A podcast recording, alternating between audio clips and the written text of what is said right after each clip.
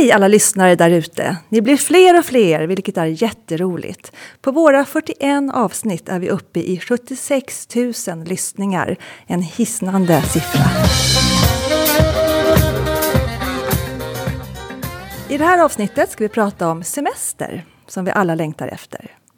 Mina gäster är H&M's lönechef Maria Jakobsson och Milla Jonsson, expert på arbetsrätt och arbetsmiljörätt. Och min bisittare är Senny Sjölund, branschansvarig för lön på SRF-konsulterna. Välkomna! Tackar, tackar. Och jag som driver Lönepodden heter Katarina Sand och jag arbetar på rekryteringsbyrån Wise Professionals som bland annat hyr ut och rekryterar lönekompetens. Och Lönepodden gör vi i samarbete med SRF-konsulterna och Knowit Insight HRM. Den första semesterlagen instiftades 1938 och gav alla anställda två veckors semester. Och den nu gällande lagen är från 78 men den antogs redan 1977. Och jag vill ställa min första fråga till Milla Jonsson, då, expert på arbetsrätt. Hur kom det sig att vi fick en semesterlag och att arbetsgivaren betalar för att vi ska vara lediga? Ja, alltså då måste vi ju backa bandet lite till än 1938. Vi måste be oss till begynnelsen av industrialismen till och med. Därför att människor jobbade ju under otroligt tuffa förhållanden och arbetstakten den var ju väldigt hög. Och istället för att göra en arbetstidsförkortning, det vill säga att man kortar ner dagarna, så beslutade man sig, för det var mycket billigare, att vi ger dem semester. Därför att vi vill ju att våra arbetstagare, arbetarna, lägre tjänstemän ska komma tillbaka pigga, raska, nyktra på alla sätt och vis och höja produktionen. Vilket de också gjorde. Så att man insåg där någonstans att om de får ledigt och en betald ledighet, så de här tolv dagarna, de var otroligt viktiga. Det var ju för att man skulle kunna höja höja, eller rättare sagt bibehålla arbetstakten. Och det intressanta är att man såg ju det här också man ville ju inte att de skulle använda semestern på en massa skräpsaker, skräpkultur. Så Svenska turistföreningen gav till exempel ut 12 punkter om hur du kan använda din semester. Man skulle cykla, man skulle kampa och man skulle vara ute i naturen. Det var den här naturromantiska synen på det hela. Då skulle man verkligen eh, bibehålla geisten för att orka jobba mera. 57 fick vi också, då fick vi också bort eh, lördagarna. Då avskaffade man ju att man skulle jobba på lördagar. Och då sa man att det här också skulle bidra till demokratiseringen. För man insåg att eh, fritiden skulle bidra till goda, demokratiska, pigga, friska medborgare. Så där har vi orsaken till varför vi har, eller fick då, två veckors betald semester. Och sen har ju det här ökat så att vi idag har fem veckors semester. Mm. Vilken härlig beskrivning. Eh, Senni, semesterrätten ser olika ut i olika länder. Kan du dra de stora skillnaderna? Alltså vi har ju semester i de flesta länder men skillnaden är väl att Sverige har en väldigt komplex hantering eller betalningen av semestern. Det är det som är lite svårt att försöka förklara för någon som kommer från ett annat land. Att här någonstans så får man betalt i förskott och man har en skuld och man har rätt att ha betald semester fast man inte har jobbat.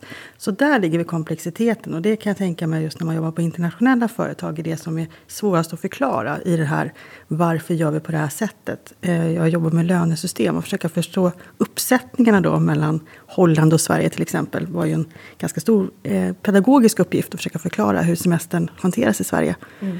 Så det var en, det är lite skillnader på det sättet. Eh, vilket för mig då till dig Maria Jakobsson som är lönechef på, på H&M. Mm. Och har varit det i många år eller? I fyra år har fyra jag varit år, där. Ja. Mm. Och hur många löner är det som ni hanterar här i Sverige? Vi hanterar knappt 14 000 löner varje månad. Mm. Sitter du med också i någon global grupp? Nej, det gör jag inte. Nej. Jag är endast lokal för Sverige. Så vi har ju flera bolag och fem kollektivavtal som vi hanterar. Mm. Men jag måste ändå ha utmaningar i det här med semester tänker jag eftersom ni har utbyten mellan olika länder i olika butiker. Hur hanterar ni semesterrätten mellan länderna? Vi säger ju att semesterrätten är lokal och sköts i varje land. Så det är klart, det blir en utmaning när man kommer till Sverige och så får man helt plötsligt förskottssemester och det förstår man ju inte alls eh, vad det är. Så att, eh, det är en utmaning att förklara för folk hur fungerar det i Sverige. Kan man ta med sig en semesterskuld från ett annat land? Nej, ja det kan man ju göra fast vi hanterar det inte på det viset. Nej. Utan den blir liksom, slutar man i det andra landet och, och, börjar i Sverige då avslutas man ju i det landet. Annars så ligger det ju vilande där mm. tills man i så fall återvänder. Då. Okej. Ja, jag vet ju att semester är ju ett stort och komplext eh, område, eller hur, på lön. Eh, det är inte alltid som det är alldeles klart hur man ska göra. Och det, begreppen är många och det, ibland är det svårt att förklara för de anställda vad som är vad och hur man ska, varför man beräknar på ett visst sätt. Eller hur? Var, var, är den, var ligger den svåraste nöten att knäcka liksom, när det gäller semester? Jag skulle säga att semesterlönegrundande frånvaro är en sån sak. Som man har ju oftast koll på vilken semester man har när man har liksom fortsatt i anställning hela tiden. Men så fort du har någon typ av frånvaro och framförallt om du har det på deltid då brukar det ställas mycket frågor kring det här. Men jag tror att semestern överhuvudtaget bland gemene man, vi som jobbar med lön, vi har nog koll på semester. Men de, det svåra blir ju att förklara för de som ska ta ut semestern och hantera det på rätt sätt. Så jag skulle säga att just när, det är, när man har delvis frånvaro tror jag är bland det svåraste. Och också när man avslutar och påbörjar med tanke på att man kan ha olika förutsättningar. Eftersom semesterlagen är det vi har i grunden. Men det är ju väldigt många kollektivavtal som reglerar hur man ska betala och när man ska betala. Och de varianterna är ju, det är ju det som verkligen ställer allting på sin spets när man ska försöka få till det systemmässigt eller annat. Men även förklara då, framförallt kanske om man kommer från en typ av verksamhet till en annan. Där reglerna skiljer sig lite åt i de delarna. För det är ju viktigt att man har den här rätten till ledighet, eller hur Milla? Absolut. Och det är ju en rättighet man har enligt lag. Du ska kunna ha fyra veckors sammanhängande ledighet. Och tanken är ju från början att man ska kunna ha det mellan juni och augusti. Det var ju den här gamla industrisemestern som fortfarande lever kvar. Eh, vad händer då när vi inte kan vara lediga? Ja, här måste man ju balansera att verksamheten ska fungera eh, tillika att medarbetarna ska fungera. Och just nu, som du säger Senne, vi har ju en, vi har ju en märklig period. Och här är ju då, vad är semesterlönegrundande frånvaro? Vi kan börja där. Ja, men då finns det vissa delar som är självklara. Är man sjuk så har man 180 dagar där som semestern tickar på in i sjukskrivningen. Arbetsskada, ja men då är det lite längre. Vi kan vara föräldralediga, då har vi också semesterlönegrundande frånvaro. Men vad blir, vad blir det för, för problem när vi har verksamheter som kräver att eh, vi är på plats? Och där är det faktiskt arbetsgivaren som bestämmer.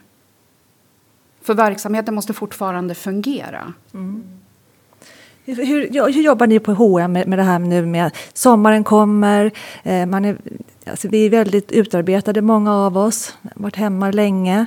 Eh, Lyckas ni få till att alla får sammanhängande semester på er löneavdelning? Jo, men det tycker jag nog faktiskt att vi får utifrån de önskemål man har. Men då ska man också komma ihåg att jag har en ganska stor verksamhet. Så det är mycket, mycket svårare när man är färre på en löneavdelning. Eh, då är det ju kanske många gånger tre veckors semester man tar i sammanhängande. Så jag tycker nog att vi anpassar det bra. Mm. faktiskt. De som vill ha fyra veckor, ibland längre, ges möjlighet till det. Och folk brukar vara ganska villiga att ändra lite om vi behöver liksom anpassa någonting. Mm. Precis, för ni är så stora. Men, mm. men det finns ju många som är ensamma på lön mm. eh, och där man har mycket svårare att ta ut sammanhängande. Men visst, lön ska ju ha samma rättigheter som alla andra att ha sammanhängande mm. semester, men det går ju inte Absolut. som vi vet. Vad, vad, gör man, hur ska man tackla det egentligen? Planering. Planering. Börja mm. i tid. Alltså det är verkligen A och O. Starta tidigt. Är man ett mindre företag, är man ett väldigt litet företag där det kanske bara finns en lönehanterare, ja där behöver man då ta höjd för att man kanske tar in någon annan under en period. Och det kräver planering. Det finns alltså inte en ursäkt för att arbetsgivaren eh, säger att du får inte semester på grund av dålig planering. Den funkar inte. Så gör en tydlig eh, kartläggning av var någonstans i verksamheter som man har den här typen av, vad ska man säga, en risk egentligen. Och påbörja semesterplaneringen mycket, mycket tidigare och gör det i samverkan med medarbetarna. Mm. Och det är ju en riskbedömning man borde ha gjort. Under det här året har det ju visat sig vad, vad viktigt det är att man faktiskt inte är sårbar. Det här är någonting som man vet att de som jobbar med lön går gärna in fast man har brutit benet brukar man ju säga. Det spelar ingen mm. roll. Du, du ska in och trycka på knappen. Mm. I det här fallet få iväg bankfilen. Och det är väl det som är viktigt också att man kanske har en förståelse i verksamheten. Att just under de här perioderna så kanske vi inte gör de här specialhanteringarna som man vill ha. Eller att man måste ha förståelse för att vi kanske hanterar på olika sätt. Och man skulle kanske önska att en del kollektivavtal var skrivna på ett annat sätt som gjorde mer, en mer flexibel hantering av just semestermånaderna. För att när det blir fel där så är det också så mycket att ta hand om när man väl kommer tillbaka i den här hanteringen. Så rent, rent praktiskt mm. eh, kan jag tänka mig att ni har hanterat en del Maria, just det där mm. med förändringar under semester med sjukfrånvaro och mm. annat. Ja precis, och det blir ju flera månader som man hanterar en topp när någonting blir fel. Så visst är det så, absolut. Och man bygger också upp en semesterskuld som inte är att leka med. Nej. Hur ska man hantera den? Den kan, kan ju verkligen drabba ett företag ganska allvarligt, eller hur? Har du några, har du några Milla, någon, någon arbetsrättserfarenhet kring det här, kring semesterskulden? Vad man kan vad det alltså, kan leda som, till? ja, det fall. kan ju leda till att företaget får en enorm kostnad som byggs upp. Och framförallt, det blir en diskrepans. För som du bokför vissa saker överensstämmer ju inte alltid med löne, lönedelen. Därför att säga att du har personer som då säger tjänstlediga, de får ju ingen lön. Men eh, de ska fortfarande ha semester under en viss period. Så det, den delen är ju svår. Men sen så har vi ju alla de här som jobbar och jobbar och jobbar. Där tycker jag att man behöver titta på det utifrån ett annat perspektiv. Och det är ju säkerhetsperspektivet. Jag ville bara koppla upp till det som du sa Senni. Det här med kollektivavtalen. Att ibland är de lite fyrkantiga. Vad jag skulle rekommendera en arbetsgivare att göra då. Har man ett kollektivavtal. Ring till de fackliga och be om att få ta en förhandling, en MBL-förhandling där man då förhandlar ett lokalt kollektivavtal i så fall som man anpassar mer. Så nu lever vi ju under väldigt speciella förhållanden. Det har ju hänt några gånger tidigare att arbetsgivaren har dragit in till exempel semestern för medarbetare när det brann i Sverige. Kommer ni ihåg det? Det var väl 2018 där. Då fick ju brandmännen komma in för det var en extraordinär händelse och det är ju samma sak nu. Det är ju extraordinära händelser. Men nu har vi levt med corona i ett år. Nu vet vi att det finns här. Nu borde man ha tagit höjd för det här. Så semesterskulden, vi har ju någonting från förra året men vi kommer ju också få i år. Och därför behöver man ju också fundera lite över hur man ska hantera den om man ska betala ut eller om man helt enkelt ska lägga ut alla dessa dagar. Och helt enkelt tvinga medarbetarna att ta semester. Mm. Hur hanterar ni det här på H&M? Semesterskulden. Jag tänker också nu i pandemitider att man jobbar hemifrån och gränserna mellan jobb och fritid suddas ut. Mm. Eh, samtidigt då som vi vet att det finns en väldig trötthet, eh, zoom-fatig kallas det väl nu. Eh, vi behöver verkligen vara lediga i sommar. Men hur hanterar ni de som, som inte tycker att de kanske behöver ta semester? men som borde ta sin, måste ta sin semester. Mm. Ja, du tänker mer generellt över mm. hela bolaget? Ja, generellt. Ja, mm. det är faktiskt en fråga som vi behöver börja diskutera skulle jag säga och säkerställa att folk faktiskt tar ut semester. För att lite känsla som man har fått är att man kan inte ta semester för det är en pandemi. Och så är det ju inte. Jag tänker när du pratar om att man skulle ut och cykla och vara i naturen när man införde semester. Det är ju lite så vi faktiskt är idag. Så att vi behöver ju göra det och vi ser ju när vi gör semesteromställningen att vi har en för stor faktiskt semesterskuld i förhållande till vad folk borde ha tagit ut. Mm. Sen tänker jag, det är ganska många som har semester som de har blivit påtvingade om man säger så nu här precis innan semesterårsskiftet. Mm. Och då tänker jag Milla, kan inte du förtydliga vad man faktiskt får spara och inte spara utifrån semesterlagen? Ja, semesterlagen säger att vi ska ta ut 25 dagar per år varav dessa 25 får man spara fem dagar per år i max fem år. Så 20 dagar ska man plocka ut och har man 30 dagars semester då får man spara 10 dagar utav dessa. Men de övriga ska plockas ut. Och det går inte att växla semester mot pengar. För det där tror jag är lite, också är någonting som man kanske missar ibland. Att man tror att man får bara spara fem dagar. Mm. Eh, oavsett vilken semester. Och, det är ju, ja, och där är det ju så att det blir ju mer och mer en, en, en förhandlingsfråga. Att mm. man vet att man uppskattar att vara ledig. Och då lägger man in det i anställningsvillkoren. Du får längre semester. Vilket också är kopplat ofta till vilken tjänst du har givetvis. Då, och sådär. Men, men i den hanteringen så tror jag att det finns en uppfattning bland många. Att nu måste vi plocka, vi får bara spara fem dagar. Det säger systemen. Det är ofta liksom inställningen där i den hanteringen. Eh, så att jag tror att man behöver planera för det och också informera. Som du pratar om Maria. Mm. Att att man får förståelse för det. Mm. För det kan ju också bli en, en, det kan ju bli en arbetsmiljöfråga, eller hur Milla? Du håller ju Ja, på med mycket med de definitivt. frågorna. Definitivt, därför att vi pratar ju säkerhet. Och det är inte bara säkerhet i verksamheten, vi pratar säkerhet utifrån enskild medarbetare. Det som du sa Maria, ni har människor som jobbar hemifrån exempelvis. Och där behöver man ha koll på hur mycket de arbetar och hur mycket fritid de egentligen har. Det blir lite gränslöst. Ja, det blir liksom. lite gränslöst. Och då kommer vi till det här att man ska ha ett... Alltså ledarskapet har ju förändrats under det här året. Det har ju blivit ett mera krävande år för chefer och ledare. För de måste bli mycket mer proaktiva. Ställa frågor, inte hur går det, utan hur mår du? Och det är vi inte vana vid i Sverige. Att ställa de här mera mjuka frågorna och göra det oftare som arbetsmiljölagen är uppbyggd så är det ju arbetsgivaren som har det yttersta ansvaret att säkerställa säkerheten för sina medarbetare.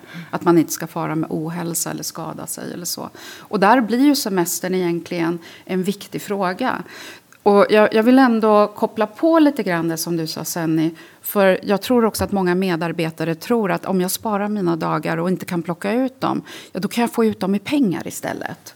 Men se, så är det egentligen inte. Utan pengarna, de betalar man ju ut i så fall den dagen man slutar på företaget. Så man ska ta ut sin semester. Man kan inte växla semester mot pengar. Men då kan man också beordra som arbetsgivare att man ska ta ut sin, sin Ja. semester.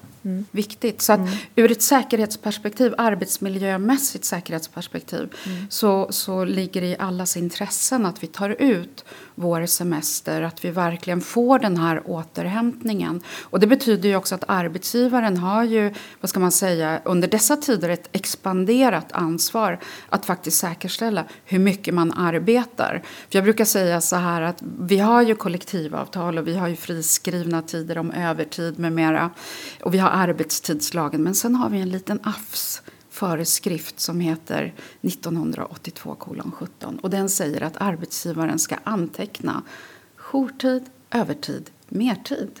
Och det är inte utifrån att man ska få mer pengar, det är utifrån att säkerställa att man inte far illa. Och arbetsmiljölagen är ju tvingande så att resten Och det där är, tror jag är väldigt viktigt att man uppmärksammar på. För just nu så är den där, precis som du pratade om, den här gränslösa tillvaron är ju en viktig del. Och, och arbetsmiljö är ju väldigt viktig i de här sammanhangen. Så får väl boosta din podd här Milla samtidigt. Så om man vill veta mer om arbetsmiljöfrågor så finns det ju en podd. Ja? Arbetsmiljöpodden, Ja, precis. mm. Ja. Eh, Men Maria, hur, hur eh, har ert senaste år varit på er löneavdelning under pandemin?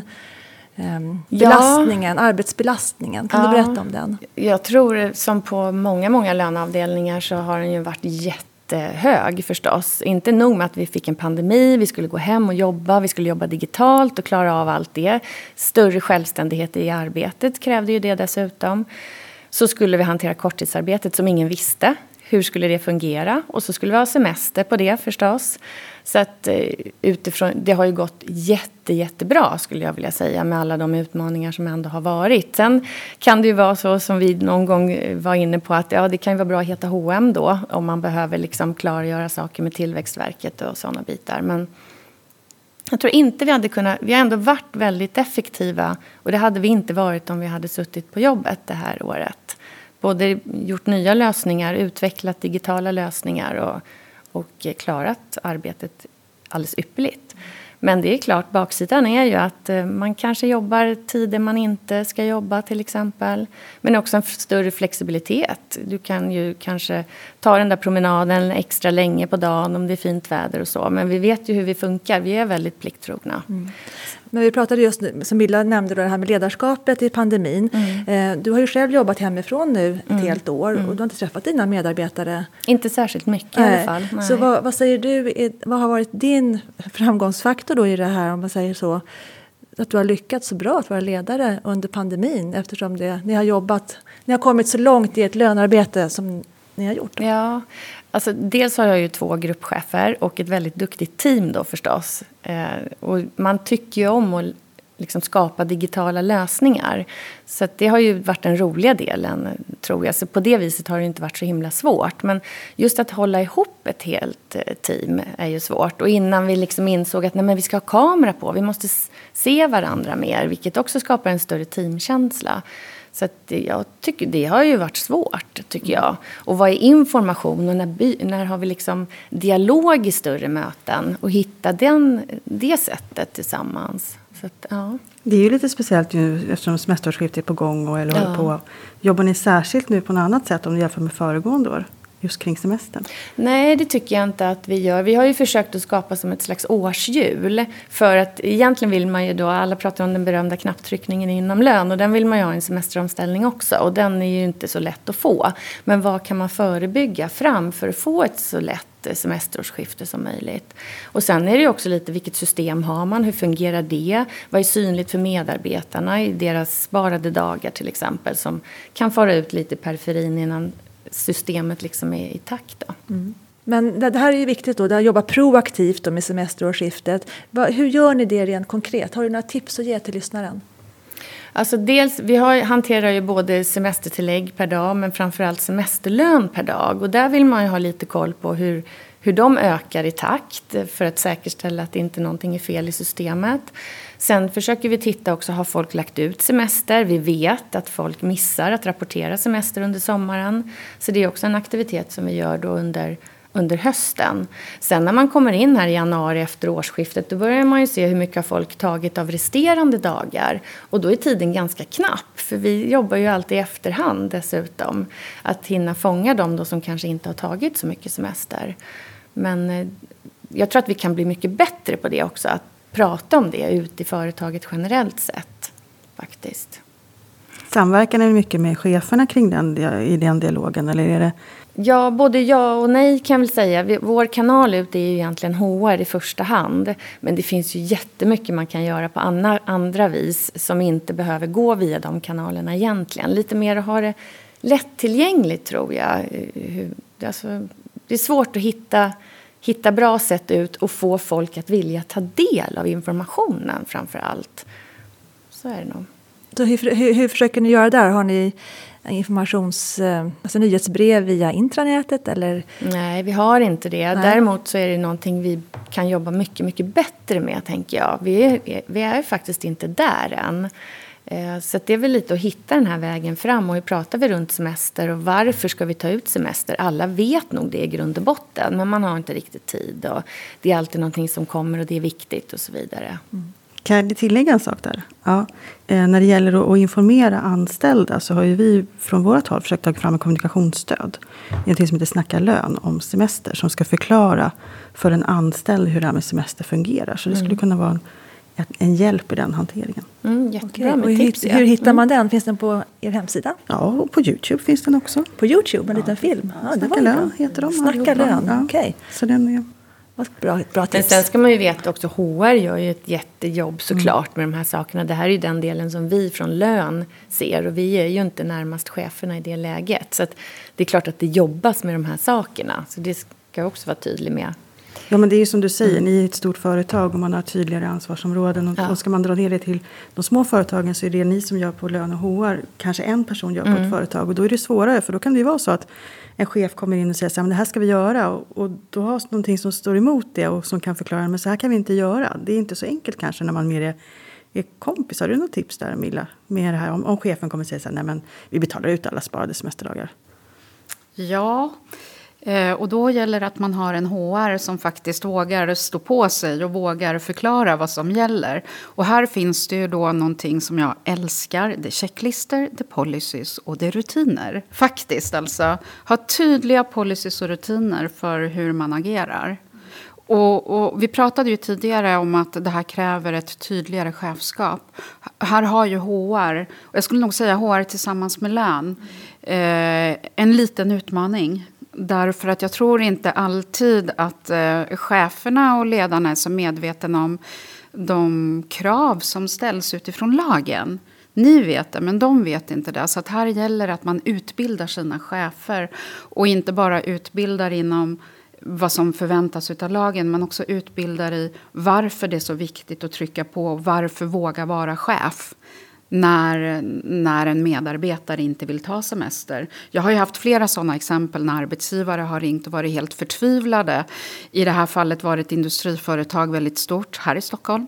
Och eh, där en medarbetare hade ingen familj, inga, ingen släkt här i landet utan eh, jobbade här från ett annat land. Och eh, föredrog att vara på laboratoriet hela sommaren. Därför att där kände han att han hade en gemenskap. Och min förklaring var ju att fånga upp honom, se till att lägga ut semestern men se också till att hitta vägar till att han kan få hjälp. Det vill säga det här sociala sammanhanget. Och där, det behöver vi prata mera kring. Och jag tror definitivt nu när många sitter och arbetar ensamma att man saknar det sociala sammanhanget. Kan man göra saker och ting på andra sätt? Ta gemensamma fika via, även om det låter tråkigt, det digitala mediet. Men det är ett sätt att fånga in. Ja, hur, hur långt sträcker sig det här arbetsmiljöansvaret egentligen från arbetsgivarhåll?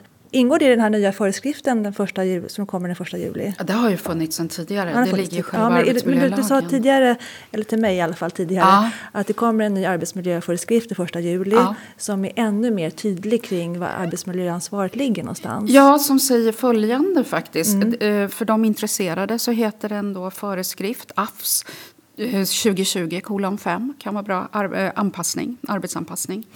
Eh, och det, den ersätter ju den gamla föreskriften arbetsanpassning och rehab. Och vad den säger är att arbetsgivaren ska ha mycket tydligare policies, rutiner, eh, strukturen för hur man ska fånga upp medarbetare i ett tidigt skeende. Och att man ska vara mycket, mycket tidigare på rödbetan. Och jag tror faktiskt att det också är ett väldigt bra sätt att, att agera på. Därför att vi vet idag att medarbetare som på, går in under en längre periods sjukskrivning är mycket svårare att få tillbaka in i verksamheten. Om man är mycket mer proaktiv redan från dag ett egentligen, då fångar man upp de här signalerna. Sen är det mycket svårare att göra det här nu under pandemitider. Men jag har ju talat med tillräckligt många arbetsgivare där jag har gett dem redan idag den här rekommendationen. Och där har vi märkt att det blir lättare att få tillbaka medarbetarna. Därför att man kopplar på också rätt aktörer. Det är också det som är lite mer förtydligat. Att har man inte kunskapen, plocka in kunskapen. Det finns företagshälsor, det finns externa aktörer som kan stötta upp och hjälpa till. Så där gäller det att man utbildar sina chefer i att vara mera observanta. Kameran det här måste ju vara en jätteutmaning, Maria, alltså, som arbetsgivare. Mm. Hur, hur tacklar ni det här? Att säkerställa att folk mår bra. Ja, via ja, ett, Zoom och Teams. Ja, ett sätt är ju såklart att, att, ha kamera på på möten. Men vissa sitter ju mycket i möten, andra gör det inte. Så det är ju inte heller bara nyckeln. Men man kan ha en eh, check-in på morgonen, en fika, säga god morgon, hej till exempel till, till sina kollegor. Det finns ju många som kör roliga fredagsgrejer eller onsdagsgrejer och bara ses en stund och, och tar en, en kort fika hela teamet. Så att, på ett sätt finns det många saker. Sen kan man ju träffas. Det, man behöver ju faktiskt inte bara göra det med en kamera utan det går ju att träffas ganska säkert ute också tycker jag. Och det kanske vi gör för lite egentligen. Eh, om man ska vara helt ärlig. Det går ju att ses några stycken och, och ha jobbmöten samtidigt och sitta mm. ute. Det är väl enklare nu när vårvärmen kommer mm. också. Mm. Eller hur? Eh, vi behöver avrunda. Eh, så att, ja, ska vi gå laget runt som vi brukar göra? Några takes som vi vill ge till lyssnare när det gäller semester och tänket kring, hur man, ja, kring det. Då. Sandy, ska du börja? Jag tänker att semester är ju ett win-win. Eh, att man inte glömmer av det. Det är viktigt för företaget att få medarbetare som känner att de är utvilade. Det är också bra att man som medarbetare känner sig utvilad. För man märker ju inte själv när man kanske har jobbat för mycket heller. Så det är bra att man tar det tillfället i akt. Att man tänker på att semester är en, en, en skyddslagstiftning som är till för den anställda. Men också att det kan påverka företaget väldigt mycket om man inte ser till att, att eh, hålla nere semesterlöneskulden. För det kan ju komma i ett läge, till exempel att man vill göra någonting med sitt företag oavsett om det är stort eller litet. Och då kan det vara någonting som påverkar vilket utfall man kan få på en eventuell affär av ett företag också. Så att det finns någonstans så finns det ett ekonomiskt incitament för företagen också utöver det här ergonomiska om man säger så, eller det som handlar om arbetsmiljön. Ja, hållbart företag och hållbara medarbetare. Ja, precis. Mm. Så det tror jag, jag tycker, så tänker jag också att de som sitter som är ensamma, som inte har en HR-avdelning som är bakom. Många sitter ju, och HR-frågorna hamnar gärna i knät på lön. Ta hjälp och se till att man bygger nätverk och lyssnar på poddar till exempel. Eller där man känner att man inte är ensam med det här. Och semester är ju någonting som jag vet att oavsett vem du frågar så är det det som man frågar mest kring när det gäller lön. Så att man ska inte förvänta sig att man kan allting utan det är väldigt bra att ta hjälp när man behöver det. Mm. Jättebra. Eh, tack. Eh, Milla? Börja planera tidigt.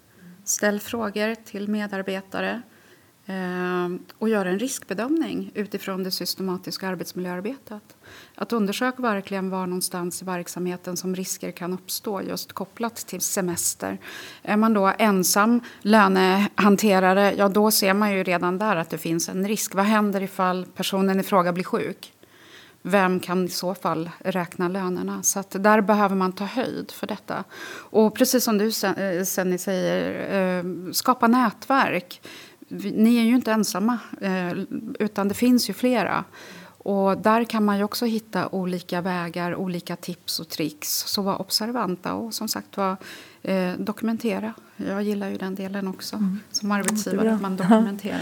Mm. Tack Milla. Och vad säger du Maria som lönechef på ett stort företag? jag, jag fascineras alltid av den här berömda knapptryckningen som man alltid pratar om. Och det är ju verkligen inte så. Sen är det såklart mindre manuella moment nu då. Men det är viktigt att vara ledig, speciellt under pandemin. Och jag tror man glömmer bort det, för det blir lite gränslöst. Så att, eh, lägg ut semester och var ledig och försök att stänga av så gott det går. För vi har också en liten tendens att ah, vi är ju i Sverige och vi är tillgängliga och så vidare. Men det kanske man faktiskt inte ska vara. Mm. Nu tänker jag också om man bor litet och kanske har sin arbetsplats i köket mm. och har haft det nu under ett helt år. Mm. Plocka undan de här sakerna Precis. ner i en kartong. Ja. Ta bort allting som har med jobb att göra. Ja, verkligen. Få tillbaka sitt hem på ja. något sätt under en kortare period. Mm. mm. Verkligen. Stort tack. Vad härligt då. Ser ni fram emot semestern? Sommaren är snart här i alla fall. Jajamän, Jajamän. här ska det cyklas. Ja. ja. Härligt. Mm. Eh, och den 25 maj då är vi tillbaka igen och då är temat eh, GDPR. För det var exakt tre år sedan, den 25 maj, som GDPR infördes. Det blir spännande. Stort tack Senny, Milla och Maria och till Henke, vår producent. Vi ses och hörs. Hej då! Hej då!